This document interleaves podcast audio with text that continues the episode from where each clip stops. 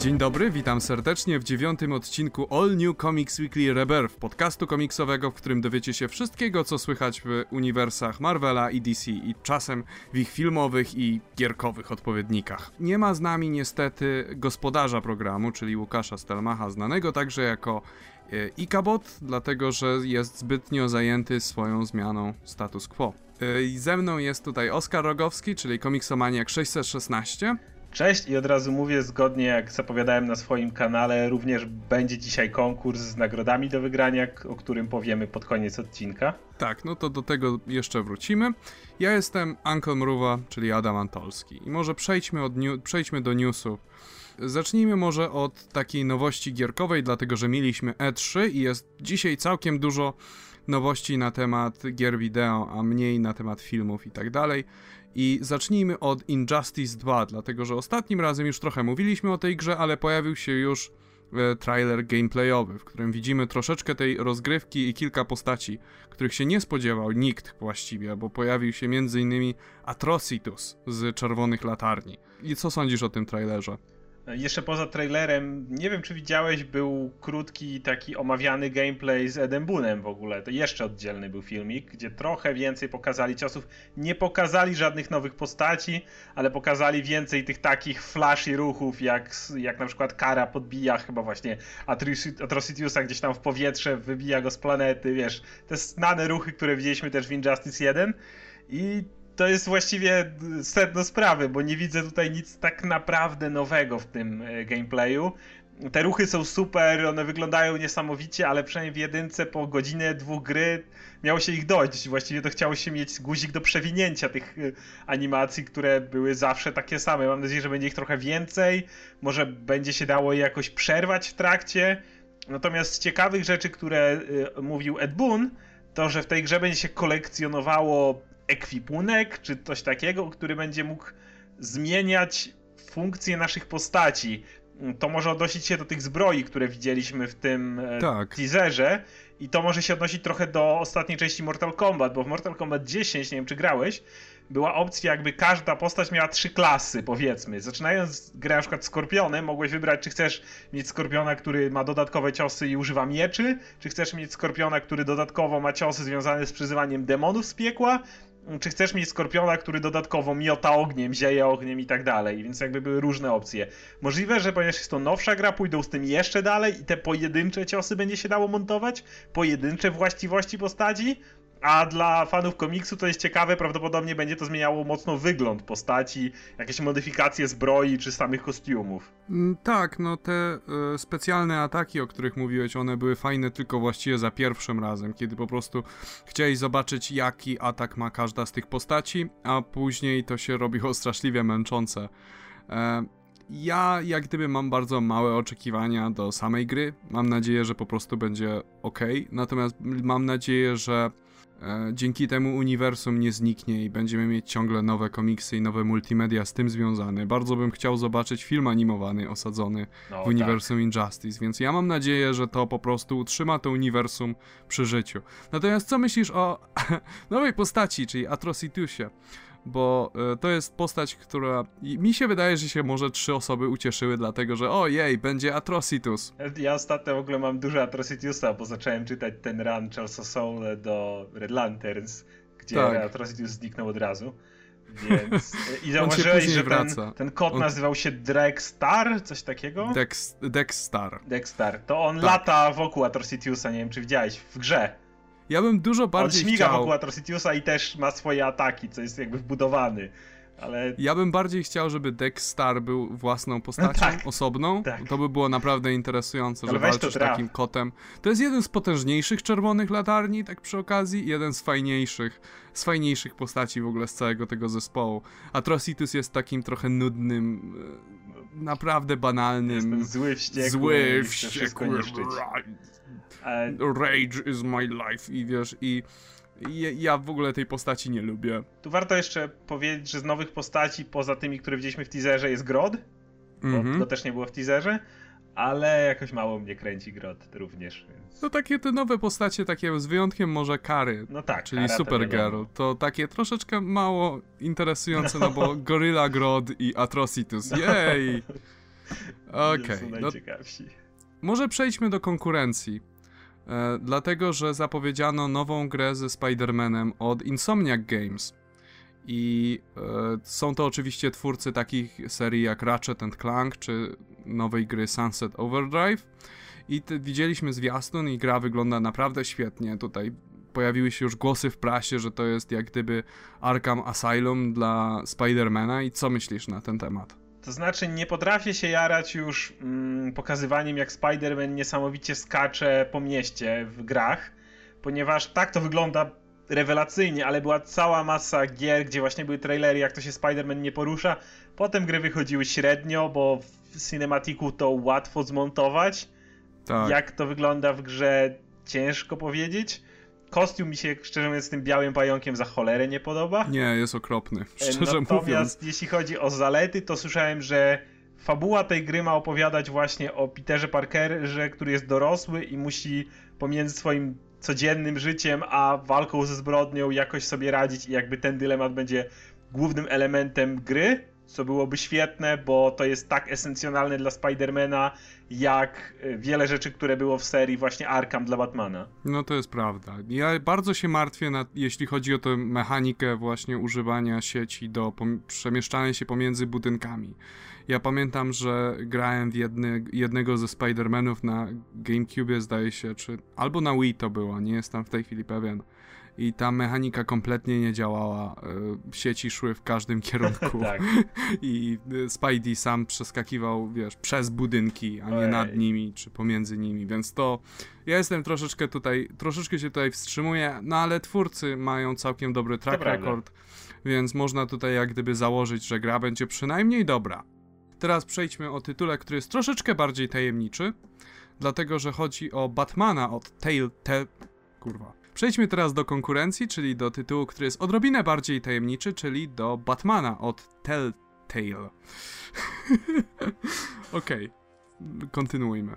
I jak wszyscy wiecie, y, Telltale robi przede wszystkim przygodówki, zrobili znakomitą serię y, Walking Dead i w tej chwili pracują nad Batmanem, który jak twórcy twierdzą ma być wiernym odwzorowaniem, takim żywym komiksem i pokazano jak nam do tej pory właściwie niewiele, bo tylko kilka screenów i taki trailer, który właściwie nie pokazuje żadnego gameplayu, a tylko nastraja cię na samą grę.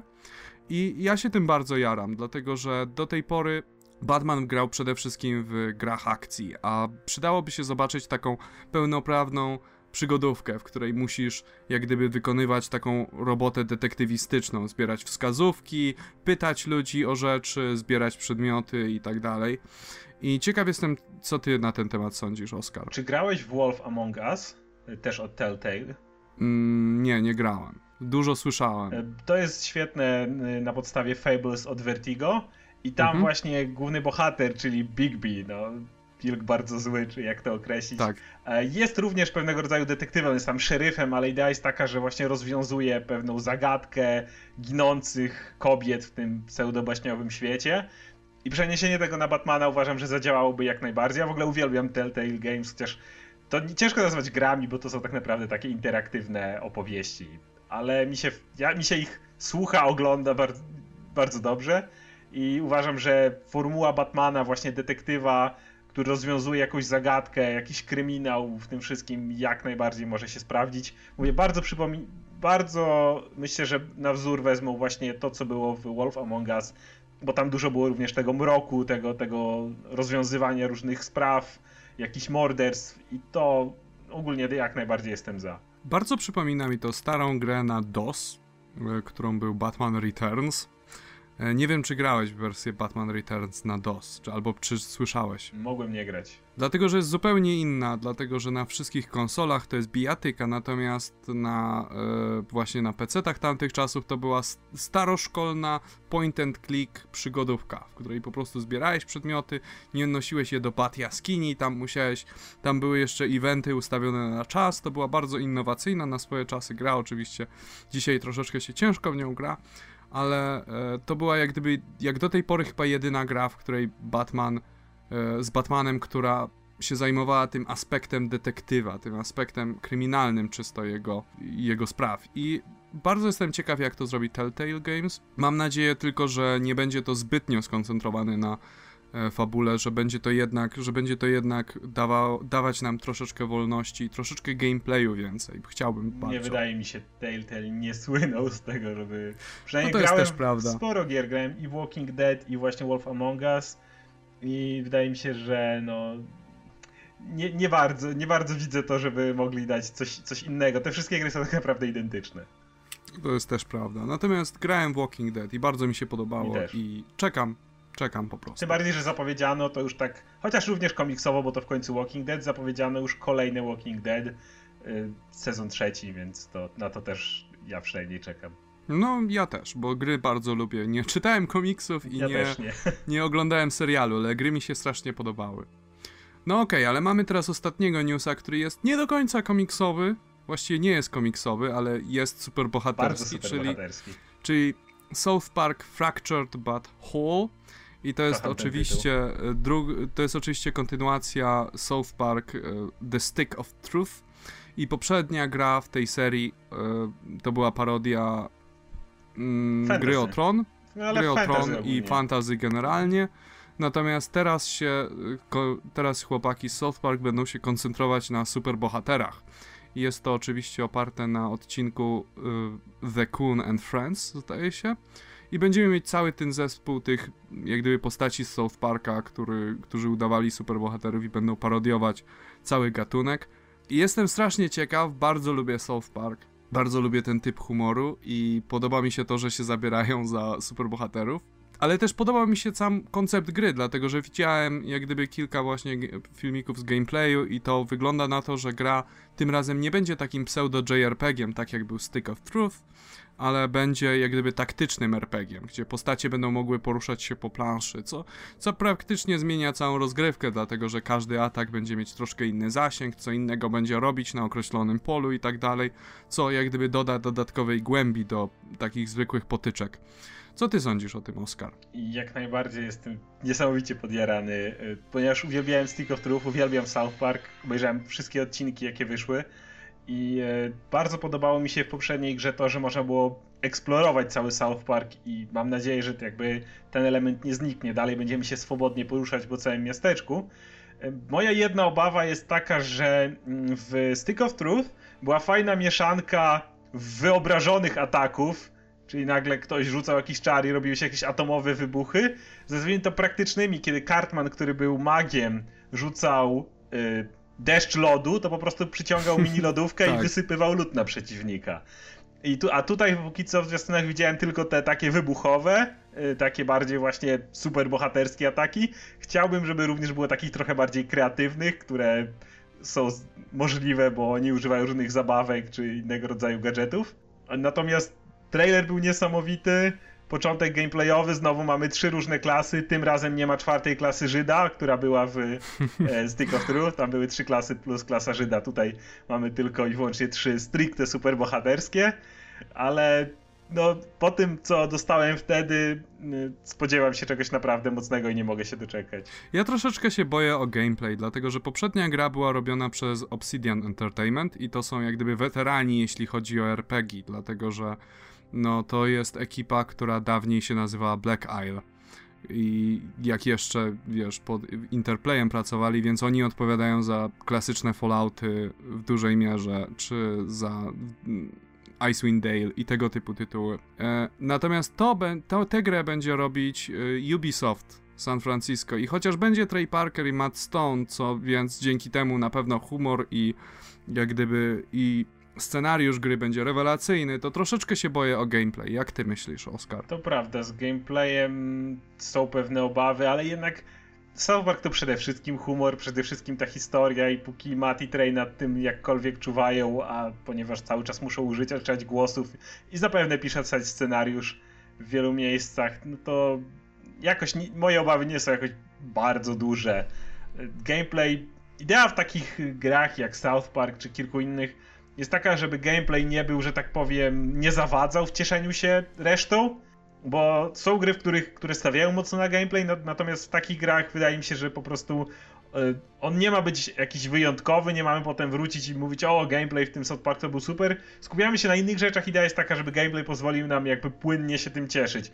Bo są gry, i tutaj jedna na przykład komiksowa gra, która swego czasu wyszła, Deadpool, która miała świetny humor, bardzo fajne rzeczy, ale gameplay był tak toporny, że miałeś wrażenie, że on ci przeszkadza dosłownie, wchodzi ci w drogę cieszenia się pozostałymi rzeczami, więc liczę na to po prostu, że ten game będzie, jest takie fajne angielskie słowo serviceable i to, mm -hmm. i to, to mi by mi nie odpowiadało.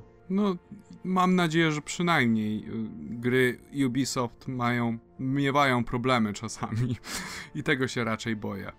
E, natomiast przejdźmy już może do seriali i filmów, bo tyle chyba jeśli chodzi o newsy związane z grami superbohaterskimi.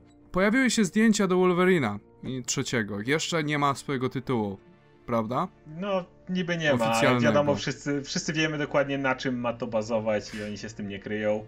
No ja nie wiem, bo ja słyszałem ludzi, którzy mówią Weapon X. Tak, słyszałem o tym podtytule, byłby totalnie idiotyczny w tym momencie. Tak mówisz? Myślisz, jesteś w 100% pewien, że to jest e, Old Man Logan? To znaczy nie widzę sensu, żeby nazywać filmu, który dzieje się w przyszłości, a ewidentnie dzieje się w przyszłości. No tak, no bo jest stary Wolverine. I nazywać stary... go Weapon X? No tak. Niby są te plotki, że ma się tam pojawić Laura Kinney, czyli X-23, ale to, to samo w sobie jest dla mnie byłoby dziwne, bo zwróć uwagę, umieszczamy ją tam, czyli w jakiejś nieokreślonej przyszłości, kiedy dosta dostaliśmy jakby pozostałych mutantów w latach 90.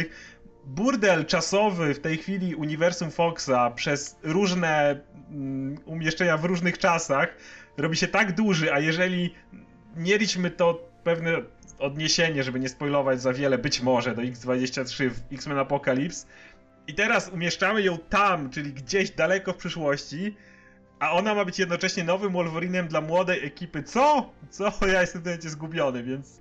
Może będzie taki wątek, że Wolverine nie umrze czy coś, tylko jak gdyby w następnym filmie pójdzie na emeryturę i nakręcą może jedną scenę, jak pozwala, wiesz, pociągowi przejechać po szynach. Natomiast X-23 przejmie jego e, rolę, a w tym filmie czyli tym Old Man Logan, zobaczymy już ją w pełni rozwiniętą, jak gdyby u szczytu swojej kariery, podczas gdy w tych filmach głównych serii X-Men będzie początkująca. Co sądzisz o tej mojej teorii, którą właśnie wyciągnąłem z dupy? Tak, bo, bo pokazywali na, żadnych... na tych zdjęć, na kilku zdjęciach widzisz Wolverina z małą dziewczynką i widać w pewnym że ona ma zakrwawioną koszulkę czy tam bluzkę. Jest taka bardzo mała dziewczynka. No tak, tylko że to może być ktokolwiek. Tak to może być ktokolwiek, oczywiście, ale gdyby to była X23, to znowu byłaby w takim wieku, że to znowu nie ma żadnego sensu. Więc mm, nie wiem. To jest X-Men. Niech Wolverine ją wychowa, a potem wykopie w przeszłość. Nie wiem. A, a co sądzisz o profesorze X? Cieszę Czyli... się, że się pojawi, bo jest zawsze zawsze. Patrick Stewart może dla mnie być zawsze profesorem. No, taki super stary i wiesz, nie, i Wolverine go pcha ten wózek. Przy czym i ja... no, trzymaj się, czak. Przy czym ja nie wierzę za bardzo w ten film. Dwa poprzednie Wolveriny. Okej, okay, tendencja była zwyżkowa, to na pewno. No to jest, no to jest... Jeszcze daleka droga, tak, żeby było na plus. Aczkolwiek jeżeli miałbym widzieć Jackmana jeszcze jako Wolverina, to chyba tylko w roli podstarzałego Wolverina a nie na przykład młodego, szalejącego i ryczącego, prawda, tenącego żołnierzy na lewo i prawo. To no myślę, to żeby prawda. dzisiaj w ogóle nie przeszło. No to jest prawda. Natomiast jeżeli miałbym go zobaczyć jeszcze jako Wolverina, to wydaje mi się, że ten starszy, taki już trochę zjechany Wolverine będzie lepszy, aczkolwiek no to ewidentnie nie jest y, jakaś mocniejsza adaptacja Old Man Logan, chociażby dlatego, że jakby scenografia, którą widzimy na tych zdjęciach, no to nie jest dziki zachód taki no postapokaliptyczny. Nie mówiąc o tym, że nie mają prawie wszystkich postaci, które pojawiały to znaczy, się w Old Man Logan. Tam sporo było bo nie mają Hawkeye'a. Hawkeye'a no, słyszałem o jak? świetnym, według mnie rewelacyjnym pomyśle. Zasą Hawkeye'a Cyclopsem, który stracił swoje Ruby Quartz i nie, nie może otwierać oczu. Ojej. Uważam, tak... że dynamika między starym Cyclopsem a starym Wolverinem, przy czym jeden, który nie może otwierać oczu, mogłaby być cały czas rewelacyjna. No tak, tylko że jednym z takich jakby plusów Old Man Logan było to cały świat Marvela, tak, który obserwujesz tak. zniszczony i tego byś tutaj oczywiście nie miał. No, nie wiem jak to wyjdzie, film na pewno zobaczę, ale nie mam co do niego żadnych oczekiwań. Nie, ja w ogóle nie lubię tych filmów z Wolverinem, szczerze mówiąc. Pierwszy był kompletnym, lubi. wiesz, nowotworem, a drugi był Miał dobre elementy, ale to jest najlepsze, co można o nim powiedzieć. Okej, okay, powiedzmy. W sensie był to nadal beznadziejny film, ale mhm. jak się upijesz kompletnie, to możesz mieć I wyłączysz przed, frajdy. I wyłączysz przed końcem, bo tam, tam to już nawet duże ilości alkoholu nie pomogą. Tak. No to przejdźmy w takim razie do konkurencji, czyli do seriali CW opartych na komiksach DC, czyli konkretnie do Supergirl, która od całkiem niedawna jest serialem CW. I okazuje się, że wreszcie obsadzono Supermana, który pojawiał się jakby do tej pory. Jako nogi albo sylwetka jako nogi, gdzieś tam albo na horyzoncie. Tak, albo. albo... Zacieniona figura. O, o jednym występie Supermana opowiadaliśmy na tym podcaście. E, no i wreszcie pojawi się jak gdyby takiej pełnej e, osobie z twarzą i będzie mówić coś i został obsadzony w tej roli Tyler Hecklin, który jest znany z czterech sezonów Teen Wolf. Co sądzisz o tej obsadzie? Oscar. Nie oglądałem Teen Wolf, chociaż słyszałem nawet dobre, jak taki nastolet, wiesz, teen y, serial, słyszałem dobre słowa o tym serialu. Ale jak patrzę na aktora, to wydaje mi się, że mógłby być Supermanem, czemu nie? Natomiast ten news jakby sam w sobie świadczy o czymś dużo większym, bo pomimo tego, co ktokolwiek z nas może myśleć o Supergirl, to jest bardzo odważny i ciekawy ruch, ponieważ wreszcie jakby widzimy jakieś zezwolenie od strony, nie wiem, czy Warner Bros., no chyba tak, bo to u nich jakby wszystkie prawa leżą, na postać kalibru Superman, która fizycznie może pojawić się w serialu. Prawdziwe rozłączone uniwersum. Co no ja myślę, że po Flashu, jak gdyby się zorientowali, że to i tak nie ma sensu, bo będą mieć filmowego Flasha i będą mieć Flasha serialowego i nic z tym nie mogą zrobić, dlatego że Flash serialowy dla nich zarabia całkiem nieźle. Tak. Więc nie mogą go po prostu od tak sobie zabić, więc równie dobrze mogą przyzwolić na, żeby pozostali korzystali. Ale ja Co uważam, być że może... to bardzo dobra wiadomość jest ogólnie, bo to może naprawdę podnieść poziom pozostałych seriali, które mają w wielu miejscach skrępowane ręce. I... Tak, to prawda. E, był taki problem z Arrow, no. właśnie po tym, że znikały postacie, dlatego że Warner postanowił je sobie zarezerwować do filmowego uniwersum i być może właśnie się z tym pożegnamy. Być może dostaniemy serialowego Batmana. W momencie, w e, którym... Raczej nie, bo Batman jest jak gdyby taką, wiesz, kurą znoszącą złote jaja dla Warnera i dla DC, więc jego raczej zachowają dla siebie. Batman tak, ale Superman jest następny największy po nim, jakby jeżeli mówimy o y, zarobkach y, tego, tak, postaciach tak. ten, więc jeżeli DC, DC czy Warner w tym wypadku decyduje się na zezwolenie Supermana w serialu innego, to mhm. jest no już to w takim jeżeli Supermana możemy zobaczyć w serialu, to możemy poza Batmanem zobaczyć w tym momencie tak naprawdę każdego. I to jest uważam świetna wiadomość, bo narzekaliśmy na problemy czy Marvela za te pseudo łączone uniwersum, które nie jest łączone i na rozłączone uniwersum DC, które nie jest rozłączone, a to jest ewidentny krok ze strony tego uniwersum DC w bardzo dobrą stronę, kompletnie abstrahując w tym momencie od tego, na jakim poziomie jest serial Supergirl. Także absolutnie kibicuję, żeby ten Superman się udał i nawet pewnie zobaczę te dwa pierwsze odcinki. Bo to będą dwa pierwsze odcinki sezonu, w których on na pewno się pojawi, więc nawet je zobaczę, żeby zobaczyć jak, jak, jak mu wyszło. A ja się bardzo cieszę, że ten aktor został obsadzony, bo widziałem kilka petycji i bałem się przez chwilę, że Tom Willing czy Welling, Welling tak. będzie, będzie obsadzony w tej roli. Czyli gościu, który grał Clarka Kenta w Smallville. E, moim zdaniem w tej chwili kompletnie nie wygląda jak Superman i nie potrafiłbym go sobie wyobrazić w, w tym stroju ikonicznym. Pomijając już e... fakt, że y, skoro mówimy o rozłączonym uniwersum, tak.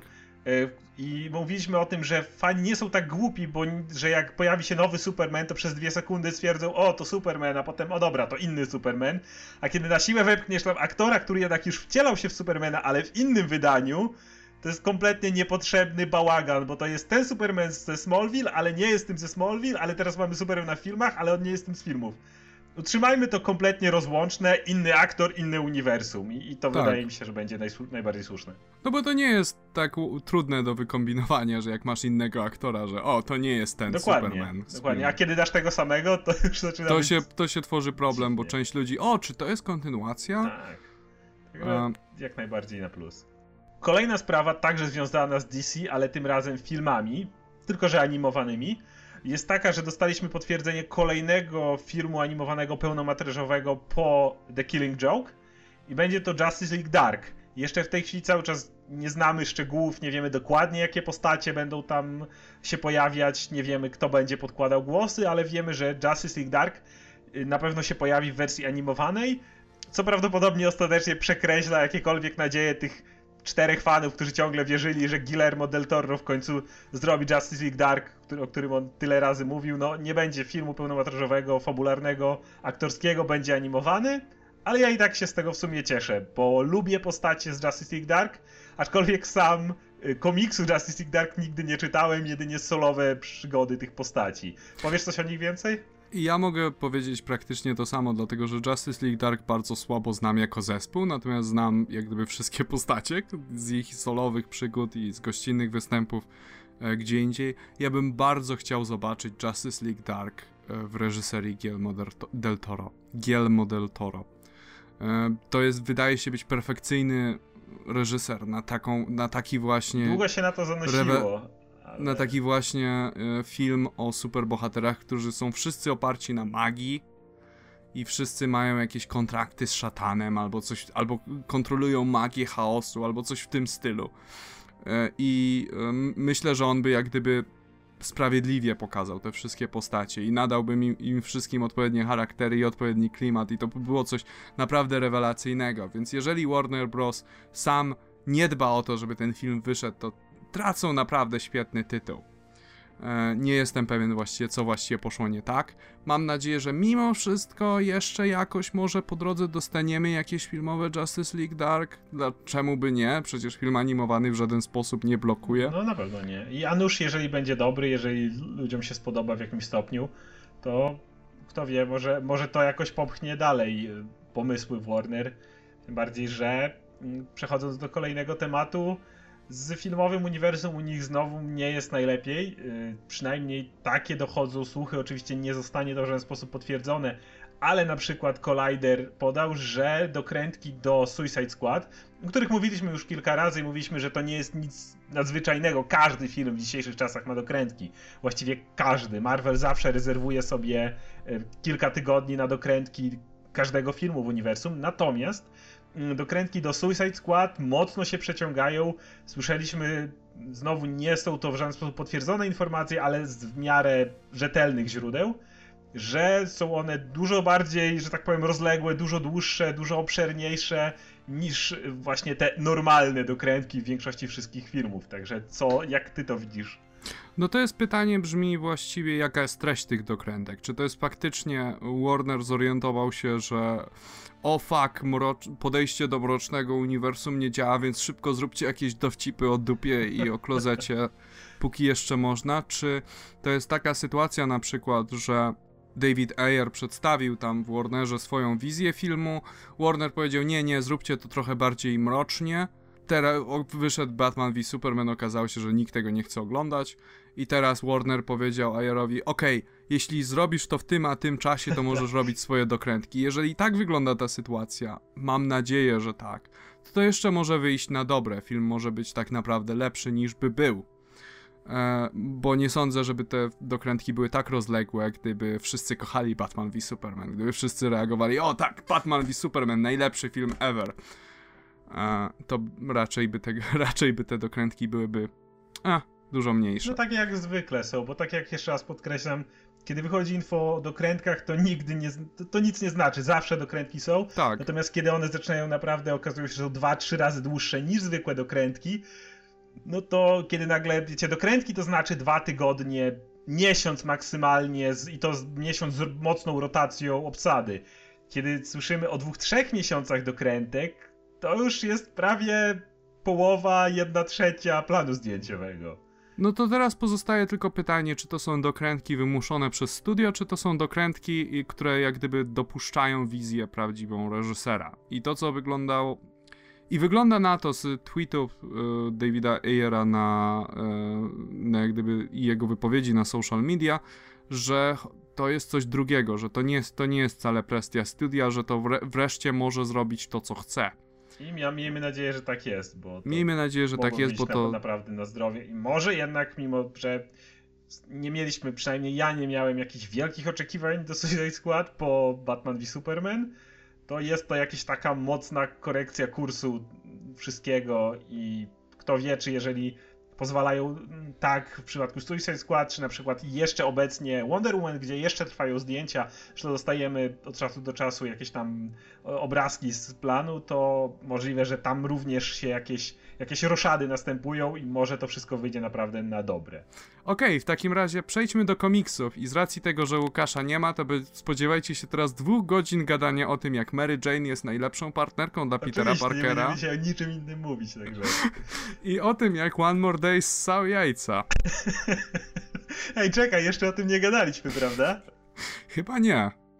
Ehm, możemy zacząć, dlatego że wygląda na to i wszystko wskazuje, że Marvel będzie powoli odkręcać One More Day i są jak gdyby tego pierwsze oznaki. Już o niektórych z nich mówiliśmy, Tylko ale niektórych. w tym tygodniu pojawił się nowy, czyli ciocia May, kaszle krwią. Tak, i to jest tak kompletnie znikąd. Przechodzimy do kadrów w najnowszym Spider-Manie, przy okazji już w następnym pojawi się Iron Jane. Natomiast w tym y, przechodzimy na chwilę do cioci May i ciocia May tak po prostu widać, że kaszle i odkłada chusteczkę, która jest cała we krwi i jakby nie ma żadnego kontekstu, nie ma żadnego powodu. No, jest to starsza osoba, wiadomo, ale to, to, to się wzięło tak jakby znikąd. Więc oczywiście automatyczne jakiekolwiek myśli, patrząc na to wszystko, co się działo ostatnio, przede tak. wszystkim spotkanie kolejne Petera z Mephisto jest takie, że no niestety jeżeli One More Day ma zostać odkręcony, to będą tego również negatywne strony, no bo istota One More Day była taka, żeby ciocia May wróciła do życia. Skoro jakby w cudzysłowie czar zaczyna puszczać, no to no, prawdopodobnie no, dla cioci May nie skończy się to najlepiej. Ja nie znoszę cioci May, ja jestem hejterem troszeczkę. E, ja uważam, że dużo lepiej by zrobili, gdyby ciocia May wtedy umarła, dlatego że ile razy możesz pisać ciocię May na ten sam sposób. To prawda. I w ogóle ja mam taki, ja tak w ogóle ostatnio wykombinowałem, że kiedy e, Mephisto robi pakt z Peterem, to mówi o tym wiecznym cierpieniu, dlatego że straci małżeństwo. Ja wreszcie wykombinowałem, skąd to cierpienie e, Mephisto wyciągnie. Bo to nie jest wcale ze straty małżeństwa czy coś, czy ze straty Mary Jane. To jest świadomość tego, że twoja geriatryczna ciotka będzie mieć bardziej aktywne życie seksualne niż ty. To, tak wyszło, tak wyszło, to, to, to, to się stało. Natomiast Dlatego... jeśli chodzi o ciocię May, ja lubiłem to jak pisano, jak ją JMS pisał i jak y, od tego momentu Revelations, czyli od momentu kiedy ona odkryła, że Peter jest Spider-Manem, kiedy to cofnięto, to na dobrą sprawę o tyle co Peter jakoś został rozwinięty pomimo tego i to, że ma firmę i tak dalej jednak się zmienił, o tyle ciocia May utknęła i... I to już od dłuższego i czasu. po cofnięciu jej przez One More Day dalej jest w tym samym miejscu, w którym była przed odkryciem tożsamości Petera, co jest żałosne trochę bym nawet powiedział. Więc jeżeli ona ma być dalej taką samą osobą, to może już czas. Natomiast jeśli nie, no to, to, to musieliby naprawdę ją konkretnie rozwinąć, bo to jest, to jest masz rację nudne po prostu. Nie, ale w ogóle podczas ranu JMS-a wprowadzili tak wiele nowych rzeczy do Spidermana i tak bardzo rozwinięto wszystkie te postacie i One More Day to wszystko równo zgwałcił. To prawda. Jak wszystko porzucił. I dlatego miło wreszcie zobaczyć. Natomiast ja naprawdę czekam na kolejną taką pełnoprawną konfrontację yy, Spidermana z Mephisto. Dlatego, że chciałbym, żeby było powiedziane, że deal z Mephisto to było coś złego, to było coś głupiego, Już w to było coś. dali nam to do zrozumienia przy tym Spider-Man Deadpool, ta pierwsza tak, tak. delikatna konfrontacja Petera z Mephisto już pokazywała, że to wywołało pustkę w jego życiu, czy, czy, czy to, że on nigdy nie może być, zaznać szczęścia, więc mamy co do tego pierwsze kroki i oby tak dalej.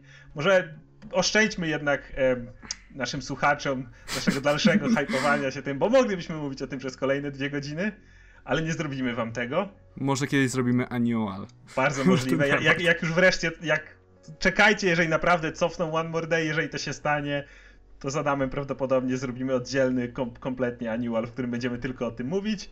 A teraz przejdźmy do kolejnego komiksu Marvela, czyli Vote Loki. Tak. Coś takiego naprawdę nowego. Mówiliśmy przy pierwszym Kapitanie Ameryce, tym pierwszym z nowego ranu i tym całym Hail Hydra i Donaldzie Trumpie i, i Red, Red Skullowi o tym, jak to komiksy wchodzą na, na politykę.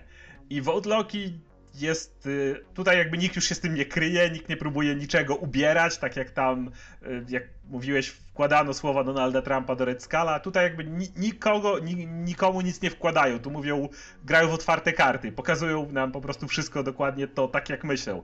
E, fabuła jest mniej więcej taka, że Loki pojawia się na y, debacie pomiędzy dwoma kandydatami na prezydenta, których co prawda imiona nie padają, ale podobizny Hillary Clinton Hillary i Donalda Trump. Trumpa to po prostu widać z miejsca. Więc y, Loki jakby wyśmiewa całą ideę wyborów prezydenckich, całą politykę, o tym jak to jest zakłamane, o tym, że tak naprawdę nie sprzedaje się obietnic, a historię. I bardziej historie, w, które naród wierzy na, na podstawie tych historii, kto lepiej gada, a nie kto lepiej działa. I ogólnie wyśmiewa cały system polityczny i różnica też spora pomiędzy tym a Kapitanem Ameryką jest taka, że tutaj jest to trochę bardziej bezstronne, to znaczy on jedzie jakby po jednym i drugim. Ten komiks daje nam trochę do zrozumienia, że jeżeli mamy wybór pomiędzy Hillary Clinton a Donaldem Trumpem, to lepiej wybrać nordyckiego boga kłamstw. Tak, mi bardzo się ten komiks podobał, w przeciwieństwie do Kapitana Ameryki pierwszego. Dlatego, że w pierwszym Kapitanie Ameryce miałem wrażenie, że ktoś mnie poucza i mówi mi, jak mam myśleć. E, chciałem tutaj też małe sprostowanie do tamtej mojej wypowiedzi z, z, tego czasu dać, dlatego że wielu słuchaczy odebrało to, jakbym bronił Donalda Trumpa. Nie, nie znoszę go, tak uważam go za kompletnego klauna i błazna. E, nie sądzę, żeby był drugim Hitlerem albo nawet Red Skullem, ale nie, e, nie, nie, nie popieram go w żaden sposób. Natomiast a, a, krytykowałem po prostu komiks za to, że był taki bardzo prosty w swoim przekazywaniu, bardzo taki, może nie, bardzo taki prostacki w przekazywaniu swojego przesłania. E, natomiast Vote Loki mi się podobało bardzo. To jest świetna satyra polityczna. Świetnie się odniósł do tych, e, do tych osobowości politycznych. Dlatego, że szczerze, gdybym ja w tej chwili znajdował się w Ameryce, naprawdę nie mam pojęcia, ja na kogo nie. bym głosował. Ja też nie. Dlatego, że żaden z tych kandydatów nie wydaje mi się atrakcyjny. A jak już sprowadzisz do e, Hillary Clinton i Donalda Trumpa, to faktycznie masz dwóch kłamców. tak jest. Jak gdyby bo dwójce kandydatów udowodniono kłamstwa i to w przypadku Donalda Trumpa jest o tyle łatwiejsze, że on kłamie jak gdyby cały czas non-stop, a u Hillary Clinton to jest troszeczkę bardziej ukryte, ale jeśli poszukasz jest tego równie dużo i niektóre są, mogą być nawet bardzo dużo bardziej szkodliwe. Natomiast jeśli chodzi już o sam komiks, bardzo podoba mi się to, jak e, odnosi się do całej sytuacji, nie, nie każąc ci wybierać stron. Że on jakby krytykuje jedną i drugą tak, opcję. Tak, to jest prawda. Krytykuje... krytykuje... całą scenę polityczną, tak, tak. I tu jest bardzo fajne to, że kiedy Loki używa takich słów, bo, bo go pytają w ogóle to, jak on jak on trafia do tej całej e, kampanii politycznej, on, on wcześniej nie planował tak na dobrą sprawę startować. On przyszedł sobie pooglądać, jak ludzie kłamią, no bo wiesz, e, koledzy po fachu. I to jest najlepsze, że on, moje ulubione słowa, kiedy on powiedział, że Ameryko, gdybym ja był waszym prezydentem, to miałbym jaja, żeby kłamać wam prosto w twarz. I kochalibyście to. I kochalibyście, tak. To, to jest to, to jest po prostu tak, tak do, dobry tekst, który on mówi. I cała masa jakby jeszcze innych rzeczy, które on tutaj wykorzystuje. To jest ciekawe, bo on stosuje chwyty, które, za które krytykuje się zarówno Donalda Trumpa, jak i Hillary Clinton. Tak. Na przykład, kiedy mm, robi trik w stylu Trumpa, czyli każda, y, każda prasa to jest dobra prasa.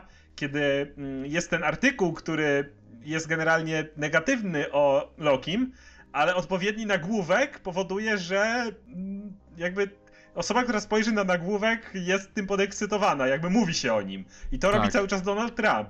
Z drugiej strony, w pewnym momencie przybiera postać kobiety, ponieważ sprawdza sondaże i uważa, że no to lepiej będzie, jeżeli wy może wystartuje jako kobieta. Co jest takim trochę jeszcze bardziej przerysowaniem tego, co robi z kolei Hillary Clinton, która dostosowuje się do sondaży. Więc on to jakby, to jest jeszcze również satyra tego, no to wystartuje jako kobieta, bo tak mi sondaże dyktują. I Ale... podoba mi się właśnie to, że jakby cały czas mieszają w tym, cały czas pokazują mm -hmm. ci absurdy jednej i drugiej strony i absolutnie nie, nie, jakby nie narzucają swojego zdania w ten sposób, tylko wykpiewają to, co jest świetne. Wyk wykpiewa też sam aspekt jak gdyby prezydentury czy wyborów prezydenckich jako farsy, w której liczy się tylko marketing i tak dalej, natomiast twoje poglądy właściwe e, są ukryte, dlatego że swoim wyborcom mówisz jedno, robisz drugie. I jak gdyby ten komiks bardzo to, to wprost mówi. Tak, jeżeli jeszcze kogoś interesowałoby, jak to jest możliwe, że Loki startuje na prezydenta, gdzie musisz mieć jakby nie patrzeć obywatelstwo amerykańskie, no to on to tłumaczy w prosty sposób. Loki wielokrotnie w komiksach się reinkarnował i reinkarnował się jako mm, Loki jest, ponieważ jest bogiem mitycznym, mity istnieją dzięki opowieściom ludzi. Jego ta najnowsza wersja, ten młodszy Loki, który zachowuje się jednak mocno inaczej niż ten stary, stereotypowy Wilan Loki, który tam siedział, zacierał palce i mówił, jak to nie zniszczy Tora. Ten Loki wywodzi się z, ze Stanów, on się odrodził tutaj, na terenie Stanów, z opowieści Amerykanów. W Michigan. Więc jest Amerykaninem w pełni. I, I oczywiście ma certyfikat. Tak, to jest też lekkie odniesienie do y, Obamy, który miał przy swoich jak gdyby poprzednich wyborach miał lekkie problemy tak. ze znalezieniem certyfikatu swojego narodzin. Nie wiem, czy pamiętasz tak, tę tak, sprawę. Tak, tak, było, było to afera. E, więc jak gdyby ten komiks atakuje wszystkie strony i jak gdyby wszystkich kandydatów, także z przeszłości. To jest coś niesamowitego. Brakowało mi takiego komiksu, powiem ci szczerze. Tak, jak najbardziej, chyba więc oba jesteśmy na plus. Tak. Moim zdaniem, jeszcze chcę powiedzieć, moim zdaniem Vote Loki jest chyba najlepszym komiksem w tym tygodniu, więc jeżeli będziecie mieli, e, jeżeli będziecie chcieli co jeden komiks po prostu przeczytać, to wybierzcie Vote Loki. I zanim jeszcze przejdziemy do całej masy jedynek, która jest w DC e, z powodu Rebirth, oczywiście, a teraz jakby kontynuacji Rebirth, powiemy jeszcze o jednym komiksie z Marvela, jakim jest Civil War 2 X-Men 1. Jakkolwiek dziwnie to się wymawia, ponieważ oni mają teraz taki dziwny zwyczaj. Kiedyś, kiedy były duże eventy, to tajny do tych eventów to był po prostu któryś numer serii. Teraz oni stwierdzili, że zrobią inaczej, żeby łatwiej chyba czytelnikom było, to po prostu tajiny o różnych bohaterach są jakby oddzielnymi seriami. Chyba tak to trzeba określić. W każdym razie mamy pierwszy... Miniseriami. Miniseriami, tak. Więc mamy... Mieliśmy Spidermana, mieliśmy kilka już różnych i teraz mamy X-Men. I może najpierw powiedz, co ty o tym sądzisz. Mi bardzo się podobało. Po pierwsze pisze to Kalen Ban, który ma jak gdyby dobre wyczucie do X-Menów, szczególnie do Magneto. Nie zrobiła na mnie wrażenia kreska. E, natomiast podobał mi się sam konflikt, dlatego że konflikt był dużo bardziej serio niż w głównym Civil War 2. Może, dlatego, powiem, że... może ja powiem dokładnie no, o co chodzi, bo to jest, to jest spora sprawa w Infinity, które zaraz wchodzi w Polsce, żeby nie spoilować dokładnie co i jak, w pewnym momencie jest wypuszczona chmura terigenu, czyli tego gazu, który powoduje, że osoby z komórkami e, z DNA Inhumans e, ujawniają swoje moce, tak, stają się w pełni Inhumans. I ona została wypuszczona na świat, jednocześnie kompletnie wyczerpując wszelkie zapasy terigenu, e, które Inhumans na Ziemi w Atilanie posiadali. Czyli w tej chwili, jeżeli ktoś, kto ma w sobie geny Inhumans, chce przejść tą terigenezę, chce obudzić moce, musi wejść w tę chmurę, która sobie krąży po świecie. Jest to jedyny sposób, żeby stać się Inhuman w pełni. Niestety, jak się okazało, chmura ta ma bardzo negatywny wpływ na X-Men. Od y, rozsadzania ich mocy, co pokazywano już dawno temu w y, serii Syn M, gdzie Quicksilver częstował ludzi Terrigenem, co powodowało, że jak na przykład strzelasz jakimiś wybuchowymi mocami, to działo się z tobą mniej więcej co, to, co w DC w Excaliburze, czyli jeżeli byłbyś ludzką pochodnią, to byś się spalił po użyciu Terrigenu. Mm, natomiast y, inne efekty to y, bardzo nieprzyjemna taka wysypka, taka wręcz ospa, która cię zjada po prostu, sterylizacja, a także śmierć. Czyli jednym słowem Terrigen krążący po świecie, przechodzący przez terytoria, gdzie są mutanci, e, bardzo negatywnie wpływa na, wręcz no zabija ten gatunek. No i tu się pojawia cała oś konfliktu, ponieważ jeśli Terrigen dalej będzie swobodnie latał po świecie, no mutantów czeka zagłada.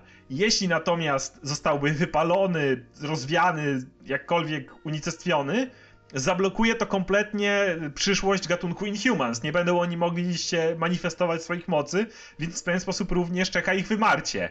Dlatego nie da się jednoznacznie tego rozwiązać.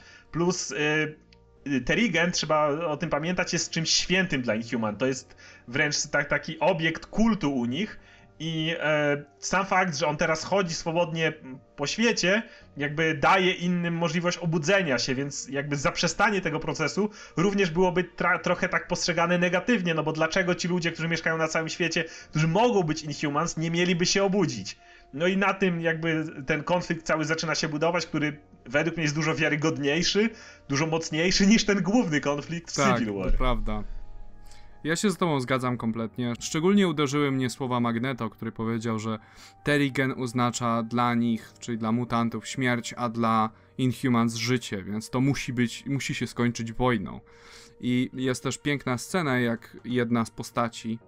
Czy możemy spoilować? Tak, możemy spoilować, prawda? jak- Czyli Nightcrawler zmienia stronę i jak gdyby staje po stronie Magneto, dlatego że uważa, że, je, że ma rację. Podczas gdy Storm i jej X-Meni e, współpracują z Inhumans, dlatego że no, korzystają z tych mocy Ulyssesa.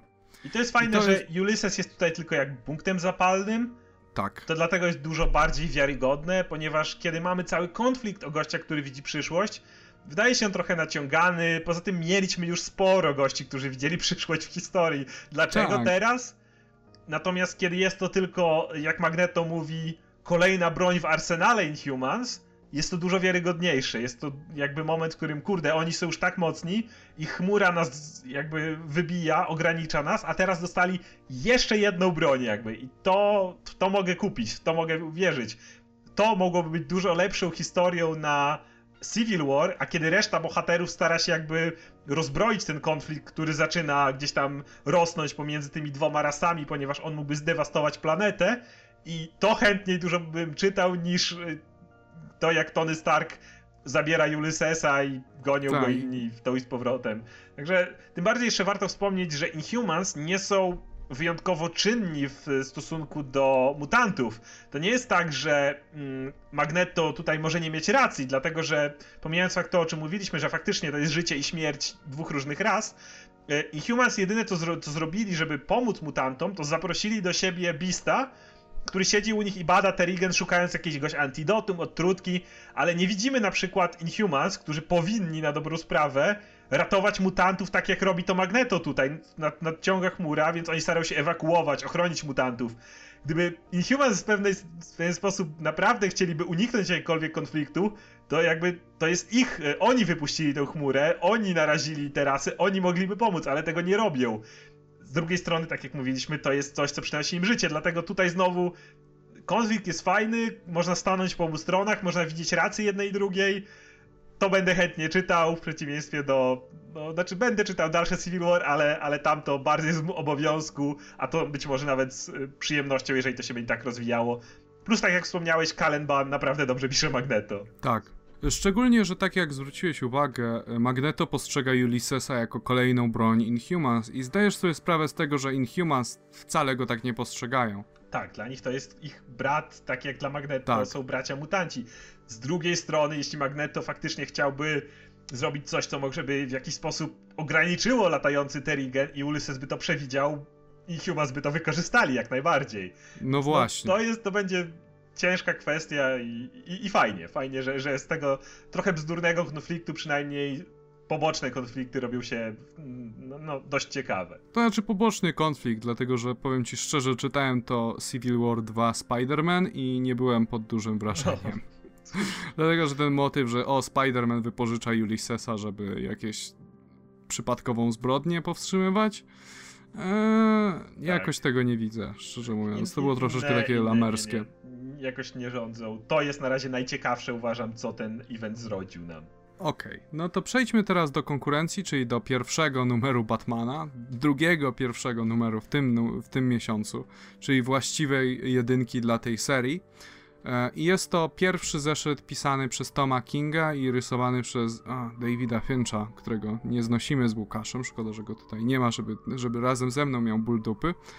E, I no, komiks wprowadza dwie nowe postacie i to jest Gotham i Gotham Girl. I do całej sytuacji zachodzi w ten sposób, dlatego że Batman sobie stoi na dachu z Jimem Gordonem, tam sobie rozmawiają i widzimy jak samolot, y, jest, y, leci samolot nad nimi i jest eksplozja skrzydła, więc Batman oczywiście używa całej swojej inteligencji i wszystkich swoich gadżetów, żeby ten samolot jakoś ustabilizować na stabilny kurs i to mu się w końcu udaje, dla, za pomocą jakichś tam stabilizatorów sonicznych, cholera wie czego. Masy E, no. tak. Ale kończy się tak, że Batman stoi jak gdyby na tym samolocie i on go kieruje na wodę, tak żeby całe uderzenie jak gdyby zneutralizowało się na boki, żeby wszyscy w środku byli bezpieczni. No ale wtedy Batman będzie wystawiony na całą tą siłą, całą tę siłę uderzenia i sam zginie. i już się żegna z Alfredem, już mówi, już mówi jak gdyby swoje ostatnie słowa, pyta się go, czy jego rodzice byliby z niego dumni i tak dalej. Już jesteśmy gotowi na śmierć i wtedy e, Gotham i Gotham Girl wlatują pod ten samolot, powstrzymują jak gdyby upadek, ląduje delikatnie na wodzie, no i Batman, miło mi Ciebie poznać, jesteśmy Gotham i przyszliśmy ochronić to miasto. I niewiele więcej dowiadujemy się o tej dwójce, poza tym, że poza tym, co wiedzieliśmy wcześniej, czyli Gotham ma to G gotyckie w, e, w tarczy Supermana, więc prawdopodobnie zyskał swoje moce na wskutek śmierci poprzedniego Supermana. Więcej, po więcej ciekawostek zapraszam do Final Days of Superman. E, I to jak gdyby tyle. Jak tobie się, Oskar, podobał ten zeszyt? Zeszyt podobał mi się bardzo, poza zakończeniem, o czym zaraz powiem. E, bardzo podobał mi się cały motyw tego spadającego samolotu, co wydaje się z jednej strony banalne, ale nawet on tam pewnym dzwoni po Hala Jordana i Supermana właśnie, zakładamy, że już no, tego starego, nowego, tego mm -hmm. obecnego. Tak, tak. Bo do, to, to, jest coś takiego, co, co mnie do, do, doszło do mnie dopiero w tej chwili kiedy nad Metropolis y, na przykład spada samolot, to no big deal, podlatuje sobie Superman, łapie ten samolot i go tam sadza. Czy, czy Hal Jordan również może to zrobić. Kiedy samolot spada nad Gotham, Batman musi się naprawdę narąbać, żeby cokolwiek zrobić, żeby ten samolot faktycznie tak. uratować. I Batman to naprawdę daje z siebie wszystko i mi się bardzo to podoba, jak jest to pokazane. Naprawdę świetnie jest to pokazane. Prosta sprawa, nie jakiś super przestępca, nie jakaś super zbrodnia, spadający samolot. Ale to nie jest działka Batmana. On nie łapie samolotów, które spadają. I to mi się naprawdę podobało. Całe, całe kombinowanie. Mi podobało się to, że mu się w praktyce to udaje, po prostu ceną za to byłoby jego życie. Tak, i tu właśnie nie podoba mi się jedna rzecz, kiedy on się żegna z Alfredem, początek jest bardzo fajny, kiedy on po prostu mówi, że jasne jest gotowy na śmierć, bo uratuje zarówno ludzi w samolocie, jak i miejsce, na które spadłby samolot, bardzo zatłoczony, zatłoczone miejsce w Gotham. I kiedy on mówi o tych rzeczach, że ma instrukcje zachowane dla ludzi, że jeżeli Duke Thomas chce się dalej szkolić, to Dick Grayson jest do tego, świetnie się nada jako jego nauczyciel. To mi się podoba, natomiast kiedy on zaczyna mówić o jego rodzicach, wydaje mi się to kompletnie, że tak powiem, out of place. Nie mhm. kupuję tego w tym momencie. To, że on nagle zaczyna się zastanawiać, czy jego rodzice byliby z niego dumni, to nie jest aż taka śmierć ten moment nie, nie, nie zdążył się zbudować y, jakby do, do, do, do, do, takie, do takich, takiej rozmowy między Alfredem a Batmanem. Jakby nie czułem, że to jeszcze był czas, żeby tego typu pokazać emocje Batmana. Jasne leci na śmierć, ale jakby wielo... Umówmy się, Batman co tydzień mierzy się ze śmiercią. No to jest prawda. Więc y, to jakby nie było jeszcze to, no i e, nie podobają mi się ich imiona, dlaczego on jest Gotham, a ona jest Gotham Girl. To nie powiem, jest Gotham Man, ona, ona, to jest moja dziewczyna, nie wiem, nie podoba mi się to. Dlaczego nie Gotham Woman? Albo Gotham Woman, ale on będzie wtedy Gotham Man, nie wiem. Mniejsza o to, zobaczymy co z tymi postaciami się Gotham Man. dalej stanie. Nie licząc tej końcóweczki, czyli tego, tego rozklejania się Batmana i wejścia tych dwóch, poprzednia część bardzo mi się podobała. No ja podobnie. Nadal jestem ciekaw, co właści- o co właściwie chodzi z tymi nowymi e, bohaterami w Gotham, bo wiesz o tym, że oni pojawią się i znikną, tak, dlatego oczywiście. że to nie są bohaterowie, którzy by zebrali dużą ilość czytelników, to jest raczej wyzwanie dla Batmana w nowym stopniu. Ja myślę, Jak, że... czego się właściwie spodziewasz? Ja myślę, że to będzie próba pisania co by było, gdyby w Gotham był Superman, czy Batman jest dalej potrzebny? To, wydaje mi się, że spróbują od tej strony tą historię napisać. Czy jeśli Gotham miałoby swojego Supermana, jaka byłaby w nim rola Batmana? Wydaje mi się, że będą chcieli pokazać, że Batman i tak jest zajebisty. Jakby, wiesz, no bo, tak. bo zawsze się nam wydaje, że jeżeli do Gotham przeciąłby Superman, to w dwa dni by załatwił tam wszystkie problemy.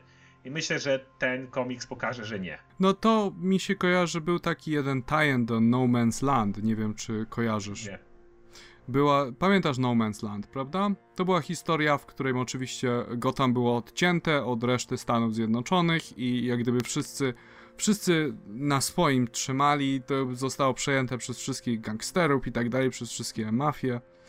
E, I e, jak gdyby Superman przyleciał, jak gdyby naprawić wszystko i pokonał tam Mr. Freeza, pokonał wszystko, ale nie był w stanie pokonać zbrodni. Na zasadzie, że zbrodnia cały czas jak odcinałeś jedną głowę, to wyrastała kolejna, jak Hydra. I Batman był potrzebny do tego miasta, żeby nie tylko, nie tylko żeby pokonać przestępców, ale i pokonać zbrodnię, żeby za, y, rozwiązać ją strukturalnie. Plus no, on jest tym, który zostawia strach wśród przestępców, tak. a strach jest odpowiednim antymotywatorem, tak czy motywatorem, żeby no. czegoś nie robić. Dlatego myślę, że na tym się skupi ta seria obecnie. A co sądzisz o Kresce? Bo powiem ci szczerze, że jak na Davida Fincha było całkiem nie nieźle. Nie przeszkadzała mi, nie, nie rzucała mi się jakoś w oczy, że o, nie mogę na to patrzeć. Jakoś nie, nie zachwyciła mnie, ale absolutnie nie, nie siedziałem tak jak, jak mówicie teraz, że go nienawidzicie, więc nie miałem takich, takich jakichś, o, że nie, nie, niech to się skończy. Wiesz co, my mieliśmy doświadczenia złe z Wonder Woman, gdzie naprawdę odwalał straszną hałturę i tutaj widać, że się postarał. To Dlatego, dobrze. że wiesz, dam mu tyle, że ten zeszyt jest znośny artystycznie. No ale przejdźmy do kolejnej jedynki, kolejnej drugiej jedynki w tym miesiącu, czyli e, Green Arrow numer jeden, wciąż pisany przez Benjamina Persiego. Czytałeś ten zeszyt, tak, Oskar? Tak. I co o nim sądzisz? Bo poprzedni wiem, że ci się bardzo podobał, a ten? Da dalej mi się podobał, ale tutaj już trzeba chyba mieć trochę zaplecza i nie do końca. Te postacie, które się pojawiały, siostra Olivera, nie znam tej postaci. Musiałem się chwilę do tego przyzwyczaić i dopiero jak wyjdzie kolejny zeszyt, będę mógł bardziej powiedzieć, jak cała fabuła mi leży, bo ten jest już bardziej pisany w jakimś uniwersum Olivera, kiedy poprzedni był generalnie bardzo na zewnątrz i można było sobie go od tak przeczytać, przynajmniej tak mi się wydaje. Tak, on był taki troszeczkę, hej, patrzcie, to jest stary Oliver Queen, którego kochacie, więc macie, proszę was. E, szczerze mi się nie podobało, tak jak i poprzedni zeszyt mi się nie podobał. E, wydaje mi się, że scenarzysta nie do końca wie co robi i, dlate, i próbuje po prostu emulować Denisa O'Neilla. Zresztą on tak mówił, że moim celem jest napisać takiego Green Arrowa, jakiego pisał Denis O'Neill. I e, nie podoba mi się to, jak jest pisana relacja pomiędzy Black Canary a Olim, dlatego że oni się znają dopiero od dwóch zeszytów, już sypiają ze sobą. To było dziwne, to było bardzo To było dziwne. dziwne. A później, chwil, dwie strony później Black Canary Dina mówi, że Potrzebuje o, jesteśmy, przerwy. potrzebuje przerwy, jesteśmy dla siebie nie tak, obcymi. To jest, ja nie to mam, jest dziwne, ja wiem, brakuje mi relacja... chemii między tymi bohaterami. Ja też nie wiem, jaka jest relacja między właśnie nim a jego siostrą. Nie znam tego i póki co nie wiem, mówię, ten komiks nie, nie jestem w stanie go jakoś tak złapać, do, dokładnie się zaczepić w nim. Nie jest on tak przystępnie napisany dla kogoś, kto nie siedzi w tym uniwersum, a szkoda, bo trochę spodziewałem się tego po Rebirth i no tu, tutaj chyba no nie czuję tego, jak w przypadku innych komiksów, gdzie bez problemu wchodzę od tego miejsca. No ja bym osobiście naszym słuchaczom radził poczekać do zmiany zespołu kreatywnego, jeśli chodzi o Green Arrowa z skoczeniem, dlatego że oni tutaj wprowadzają bardzo wiele fajnych rzeczy, właśnie jak relacja z Diną, czy wiesz, czy ten cały aspekt polityczny komiksu, ale to jest jeszcze to nie to. W sensie nadal scenarzysta nie ma pojęcia co robi i drugi raz wprowadza bo tuż przed, tuż przed Rebirth był wątek o tym, że o Green Arrow umrze i tutaj też jak gdyby wprowadzają drugi raz ten sam wątek, że w następnym numerze śmierć Olivera Queena. Wiesz o tym, że nie zginie. No pewnie, nie, na potem, w drugim numerze, tak? tak, w trzecim. W trzecim, yeah, to już czas. no, i potem reboot. A nie, ale nie, jakoś tego po prostu nie czuję. Moim zdaniem złoczyńcy są kompletnie jednowymiarowi i tacy kitowcy. E, I nie, szczerze nie byłem pod wrażeniem i czekam po prostu aż się to albo rozwinie, albo zmieni się scenarzysta, bo jak na razie to jeszcze nie jest ten Green Arrow, na, na, o którego walczyłem. Haha. Ale jest blisko, więc jest bliżej niż było przy New 52 kiedykolwiek. Więc tyle im dam. No dobrze, no to przejdźmy do następnej jedynki, czyli Superman numer 1, gdzie już Supermanem jest ten właściwy Superman, czy ten Superman z pre-New 52, e, który ma swoją żonę Lois Lane i ma swojego syna. I e, jak gdyby komiks zaczyna się od tego, że Superman wspomina dziedzictwo poprzedniego Supermana. I wspomina o tym, jak to jemu się zdarzyło wrócić ze świata zmarłych, i temu Supermanowi się raczej to nie zdarzy co wiemy, że jest nieprawdą, dlatego że komiksy tak działają, że prędzej czy później mu się zdarzy.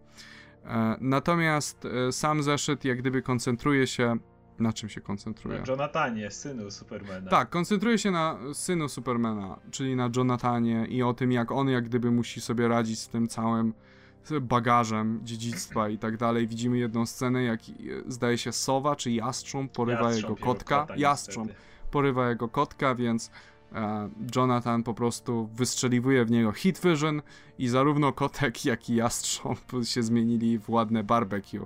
I to widziała sąsiadka, która była w lekkim szoku i prawdopodobnie każdy by był, gdyby widział swojego sąsiada jak gdyby strzelającego laserem z oczu.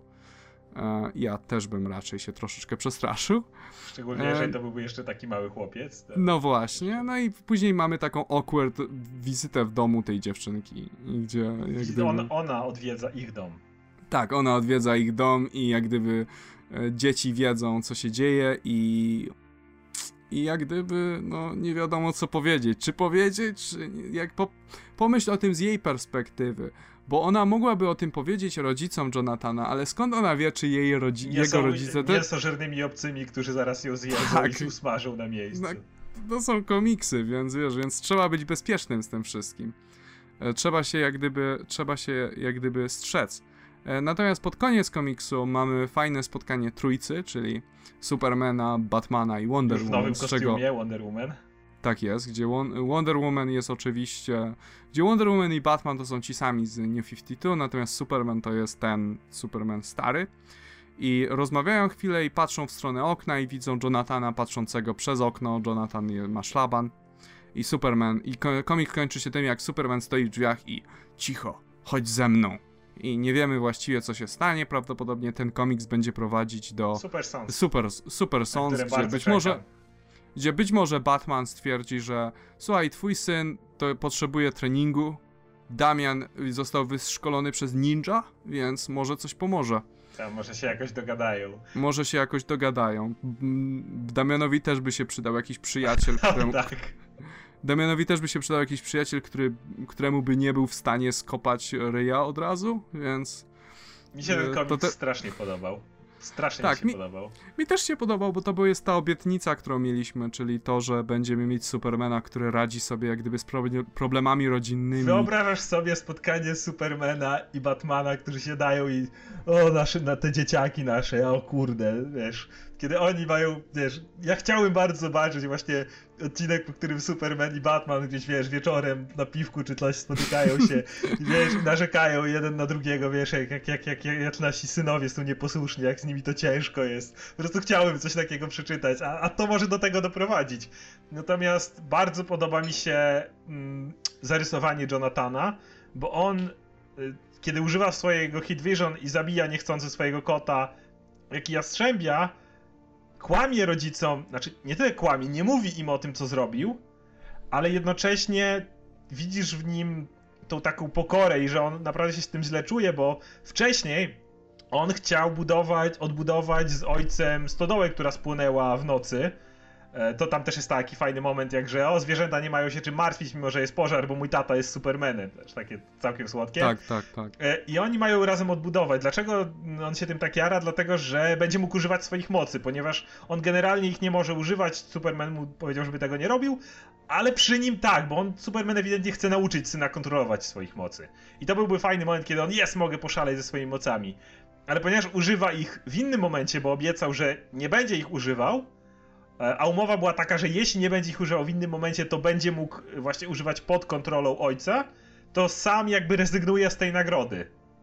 Mm-hmm. Co, mhm. co, fajnie pokazuje jego charakter w ten sposób, że on to nie jest, go, to nie jest taki cwaniak, który będzie, wiesz, a tak, z, tak. złamałem słowo, to tam nieważne.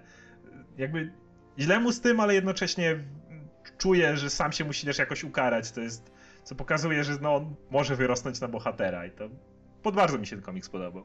Ja liczę na tą scenę, o której mówiłeś, tą pomiędzy Batmanem a Supermanem, właśnie w Super Sons, dlatego tak. że klasyczna seria z lat 70. trochę taka była, gdzie właśnie Superman i Batman, wiesz, obserwowali rozwój swoich synów, nie ze sobą, ale ze swoimi własnymi żonami. bo już kilka razy to w komentarzach widziałem. E, I właśnie komentowali, ach te dzieciaki, nieznośne, prawda, dzieciaki, o, walcie się rodzice. To byłoby super, ja bardzo chciałem to zobaczyć.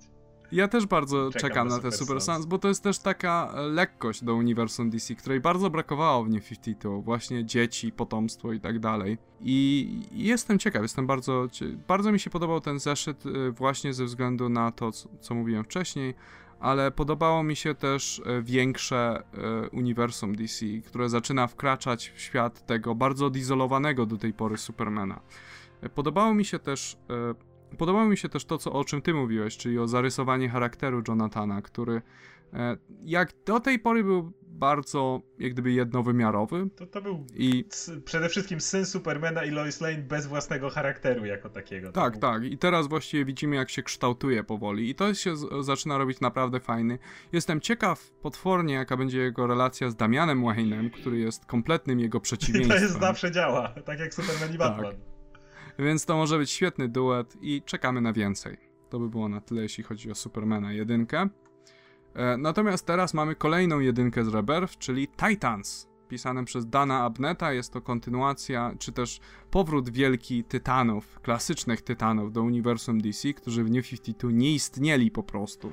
W serii Titan Hunt, ta, kurwa, w serii Titans Hunt sobie przypomnieli o swoim istnieniu nawzajem i zaczęli się do siebie e, zaczęli się do siebie odzywać, wreszcie swój zespół poskładali od nowa, no ale brakowało wciąż jednego z ich członków i tym członkiem był Wally West, który na szczęście wrócił przy okazji DC Universe Rebirth. E, co się działo z Wallim bezpośrednio po tym komiksie widzieliśmy we Flashu, o którym rozmawialiśmy tydzień temu. Ja wtedy nie czytałem tego komiksu, teraz już nadrobiłem i jest świetny, sięgnijcie po niego koniecznie. No i bezpośrednio po tym zeszycie mm, postanowił jak gdyby e, spotkać się ze swoimi starymi przyjaciółmi. I tu się zaczyna akcja komiksu Titans Rebirth 1. E, I e, Wally wyrusza jak gdyby do siedziby Tytanów i tam spotyka Dicka Graysona, którego oczywiście nie pamięta. I oczywiście go atakuje. I, I, oczywiście go atakuje, bo tak, skąd on może wiedzieć moje imię, co jest troszeczkę głupie ze strony e, Dicka, dlatego że jakieś, nie wiem, dwa numery temu była cała masa ludzi, których nie pamiętałeś, a znali twoje imię prawda? Więc mógłbyś jakoś połączyć fakty, Dick. Z drugiej strony no, gość wtargnął im do kwatery. No to to jest też prawda. Jakby mi jakiś gość przebrany dziwny kostium, do czego też jest fajne odniesienie, kiedy Wally stwierdza cholera, jak tak chciałem, żeby sobie nie przypomnieli, to może zakładanie nowego kostiumu nie było dobrym pomysłem. Tak, to był fajny moment. E, no więc jak gość w dziwnym kostiumie wchodzi mi do mieszkania, to również nie, pierwsza rzecz to nie chcę mu, nie wiem, nie pytam go, czy zaparzyć mu herbatę. W świecie, Ale w którym podoba... jeszcze jest cała no, no, masa no. złoczyńców w kostiumach. Ale podobał mi się moment, jak wiesz, jak Flash sobie mówi, hej Dick, ja nie chcę tutaj walczyć i Dick, wiesz, rzuca się na niego z całą, jak gdyby, prędkością Nightwinga i e, i e, Wally na to reaguje, fuck, zapomniałem jak Nightwing jest szybki. I to mówi Flash. Tak, po czym jednym ruchem sobie go unika. To znaczy, no nie, nie unika. Dotykają się, razi go niechcący prądem. Ten prąd, może nie wiem, czy zapaść, czym jest ten prąd. To jest Speed Force, tak? Jakiś... To jest Speed Force, to jest jak gdyby taka siła Speed Force, która w nim pozostała i one po prostu przez kontakt fizyczny się uwalnia i Dick sobie przypomina wszystkie wspomnienia, które miał z Wallim. A właściwie no, na początku sobie przypomina wszyscy, tylko jedno. Wszyscy to robią, wszyscy mają ten jedno wspomnienie zaczepne, jedno jakieś takie, wydaje mi się, najlepsze wspomnienie z Wallim, to o tak. to chodzi mniej więcej jakieś, jakieś najbardziej charakterystyczne. Czy tak. w przypadku Lilith, która, która potrzebowała pocieszenia w tym momencie, bo była w ciężkim stanie, czy w przypadku Gartha, który czuł się wyrzutkiem w świecie, jakby każdy miał moment, w którym Wally mu się bardzo przydał, bardzo go pocieszył, bardzo mu pomógł. Najbardziej chyba podobało mi się z Donald Troy, kiedy Wally po prostu pokazał jej fan. Pokazał tak. jej, że można spędzać wolny czas robiąc pranki dla kolegów i to było najlepsze wspomnienie jej z Wally, co to jest takie so Wally, że tak powiem, to...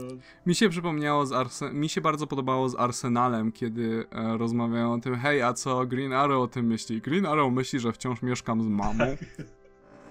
to mi się strasznie podobało, to był bardzo fajny. E, to, to, było bardzo fajne odniesienie do charakterów tych postaci i jestem zaskoczony, jak Dan Abnett bardzo dobrze sobie z nimi radzi. A ja nie. E, ja wiem, ja wiem. Ale mimo wszystko Dan Abnett nigdy nie pracował, przynajmniej o ile wiem, nie pracował tak dużo przy DC. Więc jestem pod dużym wrażeniem, jak świetnie rozumie te postaci, jak świetnie, jak wiesz, płynnie do nich przeskakuje i wydaje ci się, że to są te ci sami bohaterowie, których czytałeś od dawna. E, więc tak, bardzo mi się podoba. Przy czym e... z tym komiksem jest jedna rzecz, pomimo tego, że mi się podobał oczywiście, warto znaczyć, że to nie jest jakiś... Cały ten komiks, generalnie cała fabuła komiksu to jest przyjaciele przypominają sobie Walliego. Tam się nic Tak, więcej tak, nie dzieje. oczywiście. Więc jeżeli ktoś spodziewa się jakiegokolwiek rozwoju fabuły, czy czegoś takiego, nic tam nie ma, to jest cały komiks oparty na emocjach i na więziach między tymi postaciami. Nie ma tam żadnych jakichś e, walk, rozwoju fabuły, zagadek. To jest tylko i wyłącznie to, Wally, wszyscy cię kochamy. Oskar, czy ty masz jakieś doświadczenia z Tytanami? Czytałem wcześniej Titans Hunt, a wcześniej, a tak, czytałem tych bardzo nieszczęsnych Tytanów z New 52 i odłożyłem to bardzo szybko. To znaczy miałem na myśli tych klasycznych Tytanów, tych właśnie, którzy są bohaterami. Nie, tej- nie, wcześniej czytałem, zeszytu. poza Titans Hunt. I powiedz mi, jak właściwie odbierasz to, bo dla mnie to jest bardzo nostalgiczny zeszyt, który jak gdyby, wiesz, to jest jakbyś widział starych, grupkę starych przyjaciół, którzy się nie widzieli dosłownie od dekad. I spotykają się i wszyscy, jej, co z tobą się stało, ale wyrosłeś, chodź się przytul. A jak to jest dla ciebie? Po pierwsze, to od razu da się załapać. A, a po drugie, owszem, nie czytałem ich, ale też tęskniłem za Wolim, którego znałem. Więc jakby Mhm. jestem w stanie zrozumieć, jak grupka kumpli, która jest zresztą świetnie na pa paru kadrach, w paru miejscach już jakby zarysowane to, jakimi oni byli przyja y, przyjaciółmi. Zresztą w Titans Hunt to też było widać, jak oni ze sobą jakoś tam tęsknili. Tak, jak tak, ja sam tak. tęskniłem za Wolim, więc jakby to da, to da się zebrać do kupy. Plus y, jestem fanem serialu Young Justice, gdzie też jakaś relacja między nimi była, więc chociażby odnosząc się do tego, mogę sobie wyobrazić. Tam zresztą też pod koniec Wally zginął w cudzysłowie, zniknął, wywiało go z egzystencji. Więc y, jakby na, na tym mogę się odnieść i absolutnie te, te emocje jakby dał, zrozumiałem, które były w tym komiksie i mi się to podobało. Z tych jedynek e, Rebirth, to moje, to jest moja ulubiona, No ja jak też, do tej pory. ale to dlatego, Twoja że też, tak? No. A czy jakbyś miał wybrać jakąś drugą? Czy jest jakaś, która by mogłaby konkurować z Titans Rebirth? Czy to jest po prostu najlepsza do tej pory? Niezła Z była wyjątkiem DC Universal.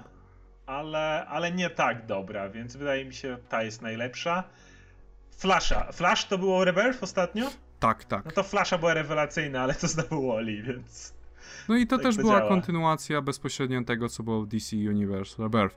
Więc jeżeli byście chcieli śledzić, co właściwie się dzieje z DC Universe Rebirth, jak prowadzą to całe wydarzenie, no to wypada by przeczytać oczywiście główny one-shot, później Flasha jedynkę, a później Titans. To są same rewelacyjne Rebirth. komiksy, więc... Same rewelacyjne komiksy i czytasz je jakby to była seria. Znaczy no, Rebirth może tego, tego głównego nie nazwę rewelacyjnym, ale to jest bardzo sprawnie napisana ekspozycja. To prawda. No, no, ciężko nazwać to rewelacyjnym komiksem, bo no, to jest po prostu taki przegląd. To jest taki katalog, Taki katalog, bardzo, ale bardzo sprawnie ładnie napisany, zamaskowany tak. jako komiks. E, Ale mi bardzo się podobał i myślę, że wiesz, że to jest dobry komiks dla wszystkich, którzy troszeczkę sobie odpuścili DC podczas New 52. Do mnie dotarł, więc chyba tak. No, e, no ale jest jeszcze jeden zeszyt z e, DC, o którym jak gdyby zapomniałem, a który jest na tej liście, czyli Green Lanterns numer jeden. I to jest komiks, który opowiada o Jessice Cruz i Simonie Bazie. To też jest druga jedynka, bo już jakby To jest- było. Tak, tak, było już. I możemy po prostu śledzić o tym, jak dwóch bohaterów kompletnie bez chemii między sobą, e, z, czego kompletnie chyba Simon, nikogo nie interesują. Z czego Simon Baz jest jeszcze źle napisany i nie pamięta połowy rzeczy, która się wydarzyła w jego życiu. E, toczą walkę z e, czerwonymi latarniami, którzy również nie pamiętają całego character development, całego rozwoju swoich bohaterów, swoich charakterów, e, które, który się odbył podczas ranu Charlesa Soul i toczą walkę o jakiś bullshit. Z, jeszcze się pojawia tam Argus. Wieże piekła! A, wieża, wieża Wieża piekła. piekła musi stanąć z So kości, extreme. z kości No. i krwi. Tak. Ten dwór ciał. Mi się ten komiks tak nie podoba. Jest taki Ale nawet bullshit. pomijając to, poprzedni też był beznadziejny. Ci Tak, bohaterowie, ja ich nie znam. Nie, jedyne co z Jessica czytałem wcześniej to był Darkseid War, który jak wiesz mi się też nie podobał. No, no, no. Mam gdzieś tę postać. Simona Baza wcześniej w ogóle nie znałem. W ciągu tych paru, tych dwóch zeszytów niczym mnie do siebie nie przekonał. Dalej to jest postać, taki buc, po prostu buc. Inaczej go nie mogę określić. Wiesz, zacząłem czytać inne komiksy Rebirth, chociażby y, czy Titans Hunt, co było przed Rebirth, czy teraz i Dony Troy, czy Lilith, czy Gartha nie znałem wcześniej, a te postacie już kupiłem, ju, już, już je lubię. Kiedy Simon Bass jest dla mnie po prostu głupim bucem, którego mam gdzieś i nie zrobi nic, żeby zainteresować tymi postaciami. Sama fabuła to jest jakaś, wiesz, my tam prawdziwe latarnie poleciały w kosmos, a tu będą się działy takie extreme rzeczy, kości, krew, największe zło. Ja nie czytałem ranu Charlesa Soula, właśnie dopiero go teraz zaczynam, ale już mi się no. to nie podoba, więc pewnie będę jeszcze bardziej zniesmaczony tym, jak roz... przeczytam ten rozwój postaci. Ale mówię, główny element, mamy historię, która powinna opowiadać nam o dwóch postaciach i najważniejsza byłaby chemia między nimi, której nie ma. Zainteresowanie tymi postaciami, ich jakimiś osobistymi problemami, mam je gdzieś, więc nie wiem, co może zaczepić kogokolwiek w tej serii. To znaczy, ja mam przede wszystkim ból dupy o to, że ignorują jak gdyby cały rozwój bohaterów, który się odbywał do tej pory, dlatego że Simon Bass zaczynał troszeczkę z tej pozycji głupiego buca i rozwinął się od tego czasu, zmienił A, się okay. kompletnie. Dla mnie jest dalej Dlatego, że pod wpływem jak gdyby jego kontaktów z e, jak gdyby innymi zielonymi latarniami, między innymi Guy Gardner, którego tak nie znosi w tej serii, był przez jakiś czas takim jakby jego mentorem, który jak gdyby go uczył, jak, to, co to znaczy być latarnią, co to znaczy służyć jak gdyby ludziom w twoim sektorze i tak dalej. E, walczyli razem w tym w Godhead i byli najlepszymi kumplami. Jak naprawdę. Jakby nie, tutaj nie próbuję tego w żaden sposób powiększać, to była bardzo silna relacja pomiędzy nimi. I, jak gdyby tutaj to kompletnie ignorują i ignorują jak gdyby wszystko, co się wydarzyło. Gdyby ten komiks wyszedł bezpośrednio po Blackest Night, kiedy się pierwszy raz e, Simon Bass pojawił, to byłbym w stanie to kupić, ale po tym, co się już wydarzyło dla tej postaci, to jak gdyby straszliwie nie pasuje i masz straszny, wiesz, taki dysonans poznawczy. I zauważyłeś, że musieli znowu poświęcić jedną linijkę tekstu, żeby dostrać Gajowi? Tak, no to tym razem jak gdyby ci ludzie z Argus mówią, o, Guy Gardner, Więcej takich nie potrzebujemy. litości. to, to, to, troszeczkę mnie, bo to jest od Jonesa, bo Jones nie znosi Guy'a Gardnera, więc on, więc on musi jak gdyby w każdym komiksie zaznaczyć, jak to Guy Gardner jest beznadziejny, ale ta postać też ma swoich fanów i też miała swoje naprawdę świetne momenty w historii komiksu, a w tej chwili w Rebirth nie ma go w ogóle, więc to jest taki mój mały, osobisty e, ból dupki który mam na temat tego komiksu. No ale przejdźmy być może do, już do konkurencji, bo te, podejrzewam, że już słuchacze, którzy śledzą nas przede wszystkim dla Marvela, mogą mieć dość tych jedynek z Rebirth. No tak to jest z no, jedynkami. Ale, no ale tak to jest z jedynkami. Warto je omówić, bo wiele z nich jest dobrym momentem na wskoczenie, więc warto je często omawiać.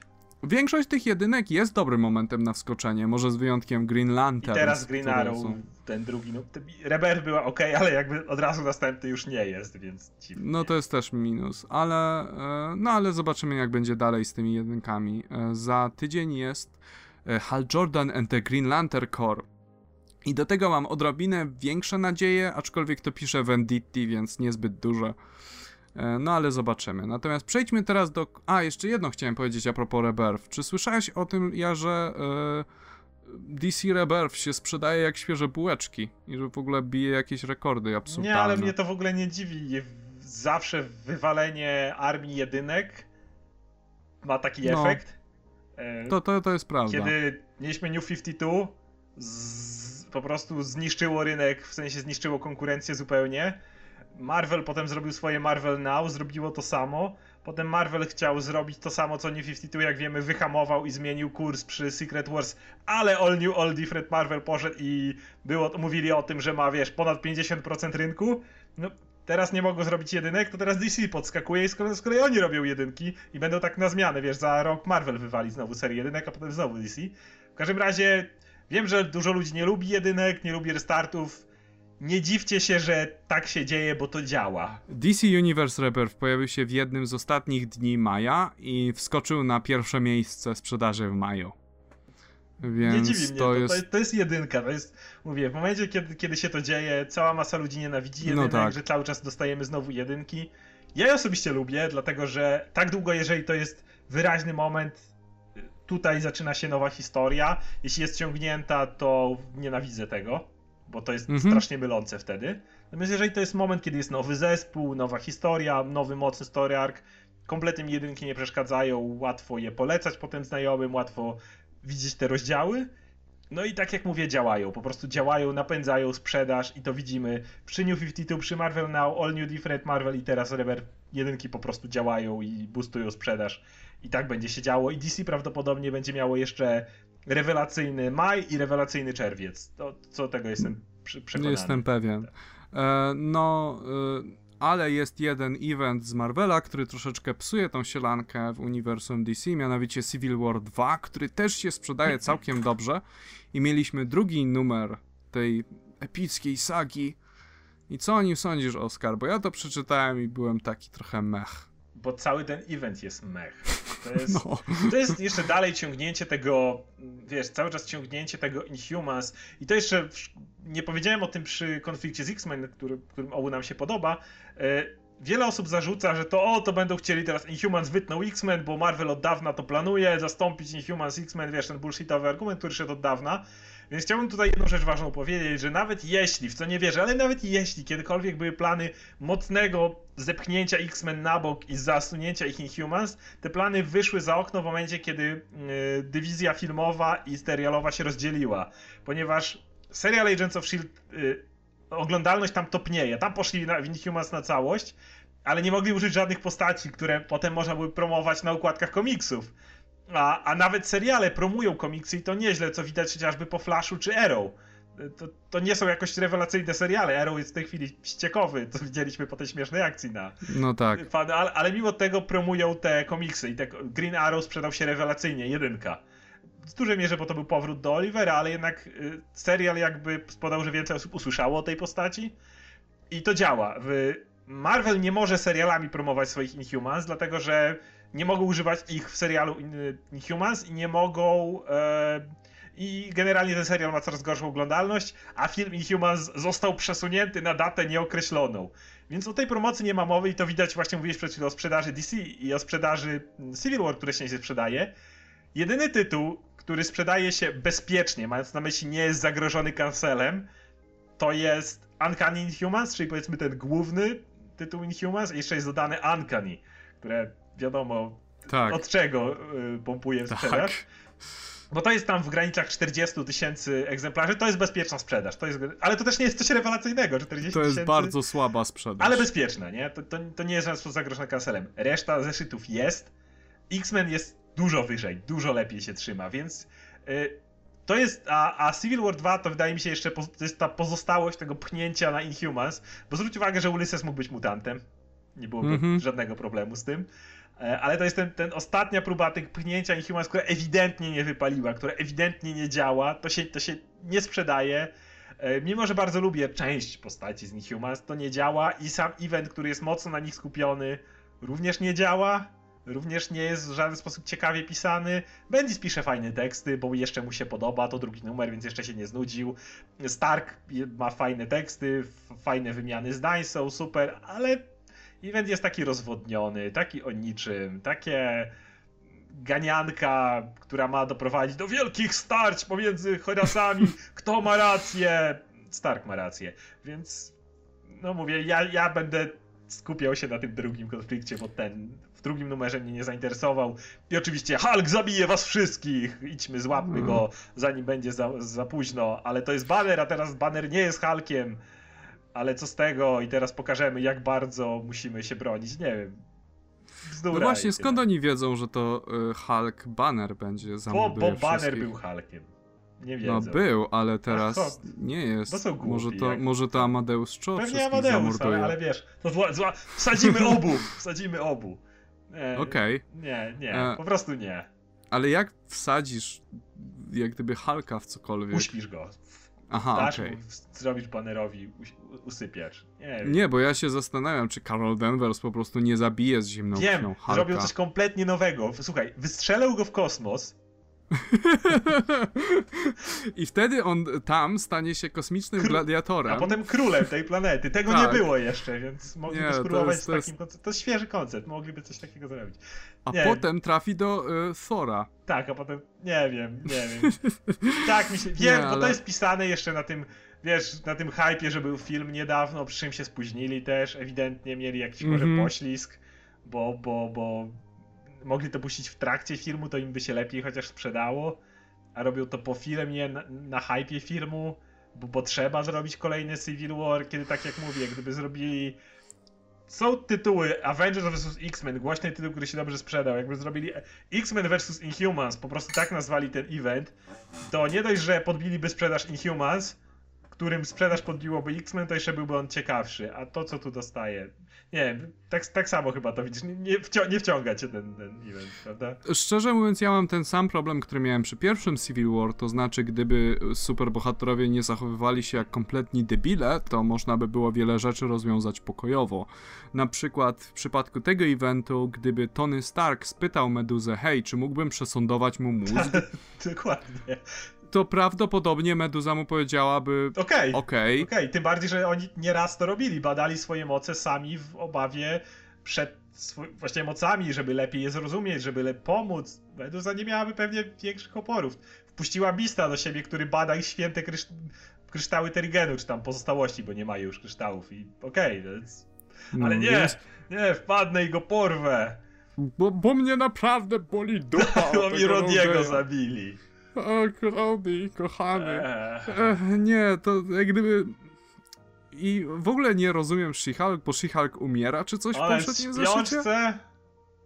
W śpiączce był ten taki sygnał. Taki tak, a tutaj odpowiedział, że nie jest nie, w wiele lepszym stanie, czyli teoretycznie żyje, ale, ale jest okay. w śpiączce. Hulk, który się regeneruje jak Wolverine i ten, ale na potrzeby komiksu nie. Okej. Okay. E, no została nam właściwie, został nam właściwie jeszcze jeden zeszyt do omówienia, czyli to jest Justice League 51, który jest tak naprawdę, może od nowa. Został nam jeszcze jeden, bo nie, bo nie podoba mi się to jak powiedziałem 51. Proszę cię Łukasz, wytnij to. Wiem, że masz ochotę zostawić to dla Becky, żeby się ze mnie pośmiać, ale proszę cię nie rób tego. E, został nam właściwie tylko jeden zeszyt, czyli Justice League 51, napisany e, przez Dana Abneta jeszcze raz. E, I jest to jak gdyby taki wstępniak do późniejszego ranu, który będzie pisać Brian Hitch chyba. E, czytałeś ten zeszyt? Tak, czytałem. Jak ci się podobał? I sama jakby interakcja między bohaterami mi się podobała. Oczywiście to, ej Robin, ty też, jest, ty też się nadajesz. Jeszcze jakby tak, dlatego, że zeszyt jeszcze ja tak na początku streszczę. Opowiada o tym, jak Batman przyprowadza pierwszy raz do Ligi Sprawiedliwości taki... Robina, żeby przedstawić go wszystkim... swojego syna do pracy. tak. Dzień przyprowadź swojego syna do pracy. to jest jeszcze Grayson, bo to jest dużo wcześniej. Tak. To jest dużo wcześniej, to jest taki prequel i to ma, to jest jak gdyby to nie jest do końca osadzone w Rebirth jeszcze, to jest jeszcze troszeczkę osadzone wcześniej, ale już widzisz te jak gdyby zmiany zachodzące w Rebirth, czyli Cyborg nie jest takim zimnym sukinsynem na przykład, e, czy jak gdyby wszystkie te postacie troszeczkę są jak gdyby cieplejsze. I e, podobał mi się bardzo ten zeszyt. Podobał mi się cały motyw z podróżami pomiędzy jak gdyby wymiarami, tym, że w tym pierwszym arku tym Justice League Origins, w tym pierwszym tomiku, który też został wydany w Polsce. Kiedy pokonali Darkseida, no to równocześnie troszeczkę czasoprzestrzeń spieprzyli, więc te, co jest normalne w komiksach. Zwykle się tak dzieje. Oczywiście.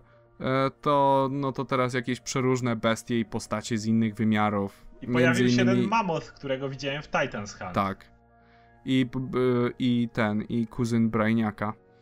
Tak, ja właśnie na początku zastanawiałem się, czy to jest Brainiak, ale potem powiedział, że nie. Nie, nie, też myślałem, że to jest Brainiac, no bo wiesz, zielony ziom. Który ma coś na głowie. który ma coś na głowie, to jest, nie, to jest, to jest ktoś z rodziny Brainiaka, nie jestem pewien okay. do końca. I, i, i cyberpsy. Tak, i równocześnie mamy zapowiedź tego, że e, Robin zostanie przejęty, jego umysł. Tak. Przez kogoś. nie wiadomo siły, przez kogo. Gada, ma, ma czerwony napis jak Atrocitus, ale...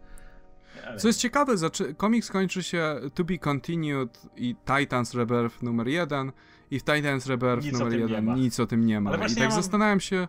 Ja mam no. pytanie, e, czy jest wyjaśnione komu Mr. Twister e, służył w Titans Hunt? wiesz, kim jest ta siła? Ta z no nie, nie wiadomo Więc i to, to jest prawdopodobnie Doktor Manhattan. taka właśnie czerwona istota, która się tam wynurzała z tego portalu. Więc to wygląda, że to jest on? Nie, ja myślę, że to jest doktor Manhattan. Doktor eee, Manhattan, który miałby gadać tą czcionką taką. Albo to jest jakiś sługus doktora Manhattana, który jak gdyby działa jako pośrednik. Ja, chodzi mi o to, że doktor Manhattan nie wydaje mi się, żeby potrzebował jakichś portali, żeby wejść do tego świata, czy coś takiego. Mam mm -hmm. wrażenie, że to jest gość, który styknięciem palców już tu jest jakby. A tu mówiliśmy bardziej o jakiejś demonicznej sile, która ma problem, żeby przejść przez barierę tego świata, żeby wedrzeć się tutaj. I to bardziej było takie demoniczne i mam, mam wrażenie, że właśnie ta osoba, która mówiła w y, Justice League 51 była tą samą, którą właśnie Mr. Twister w Titans Hunt próbował wezwać. Przed, to jest możliwe, portal. chyba masz rację. To, to, to by się e... tak łączyło. Jedno A jak myślisz... ma związek z Tytanami, z Nightwingiem. Mhm. A jak myślisz, czy jest jakaś relacja pomiędzy e, właśnie tą postacią, Mr. Twisterem i doktorem Manhattanem? Nie dlatego, że. E, poczekaj, dlatego, że jak gdyby taki wniosek z DC Universe Rebirth był taki, że ktoś zabrał nam 10 lat naszego życia, zabrał nam nasze relacje, zabrał nam nasze miłości. I ja oczywiście wtedy pomyślałem w pierwszej chwili, że okej, okay, Mr. Twister pracował dla doktora Manhattana, dlatego że Mr. Twister zrobił dokładnie to. Zabrał ludziom, wiesz, relacje, Ale miłości i tak dalej, i życie. Titans Hunt, oni sami sobie to zabrali, żeby go No osłabić. jakby, ale no jak gdyby tak, no, można pośrednio by powiedzieć, że zmanipulował, tą, zmanipulował sytuację tak. tak, że do tego doprowadził. To raczej miałem na myśli. E, no ale jak ci się podobał sam zeszyt? Może ten sposób. Tak jak powiedziałem, bo... relacje między nimi były bardzo fajnie napisane. Bardzo podobał mi się e, taka, nazwijmy to słodka pierdoła Hal Jordan, któremu nic nie idzie. No tak. Stworzę im kraty. Oh come on, przebiegają przez nie. Zrobię coś tam, nie działa. Wiesz, i, i, nagle pojawia się znikąd Batman i Batman i mówi, patrz jak trzeba ich walnąć. Bum, i tam uderza tego i ten pies tam gdzieś pada wal ich tam, gdzie będą, a nie tam, gdzie są, bo jestem Batman. Co jest też... nie, ale to było fajne właśnie. Bardzo mi się podobało. Ka każda z tych postaci... Wonder Woman chyba prawie tam nie miała nic do powiedzenia, jeszcze Flash i Superman też nie, natomiast Cyborg i Green Lantern przede wszystkim. I, I z Robinem mieli naprawdę fajną wymianę zdań i to mi się podobało. Bardzo podobała mi się kreska w tym zeszycie. Yy, rysował to Paul Pelletier. Nie jestem pewien, czy dobrze to wymówiłem, ale jakby co to tak wymówiłem.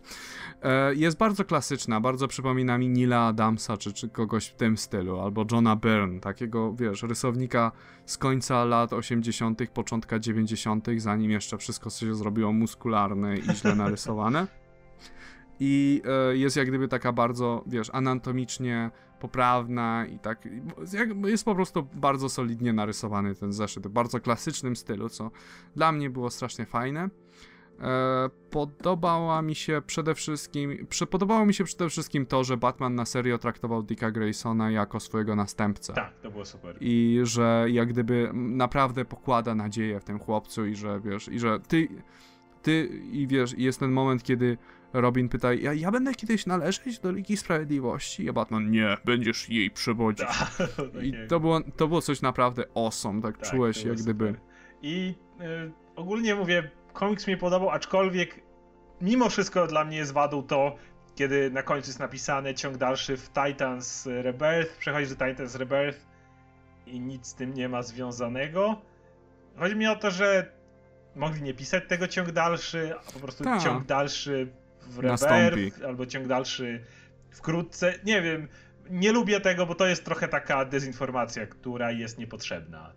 Ale wiesz co, w ogóle ostatnio w DC, już o tym mówiłem na, w podcaście, mają jakiś problem z tym. Jak gdyby przesuwają im się zeszyty, przesuwają treść jednego zeszytu do innego i miejscami to cały czas y, tym szurają. Nie mam pojęcia może dlaczego. Może na myślę Titans 1, ale wyszło Rebel. Może, wiesz. może, może zobaczymy. będzie kontynuacja.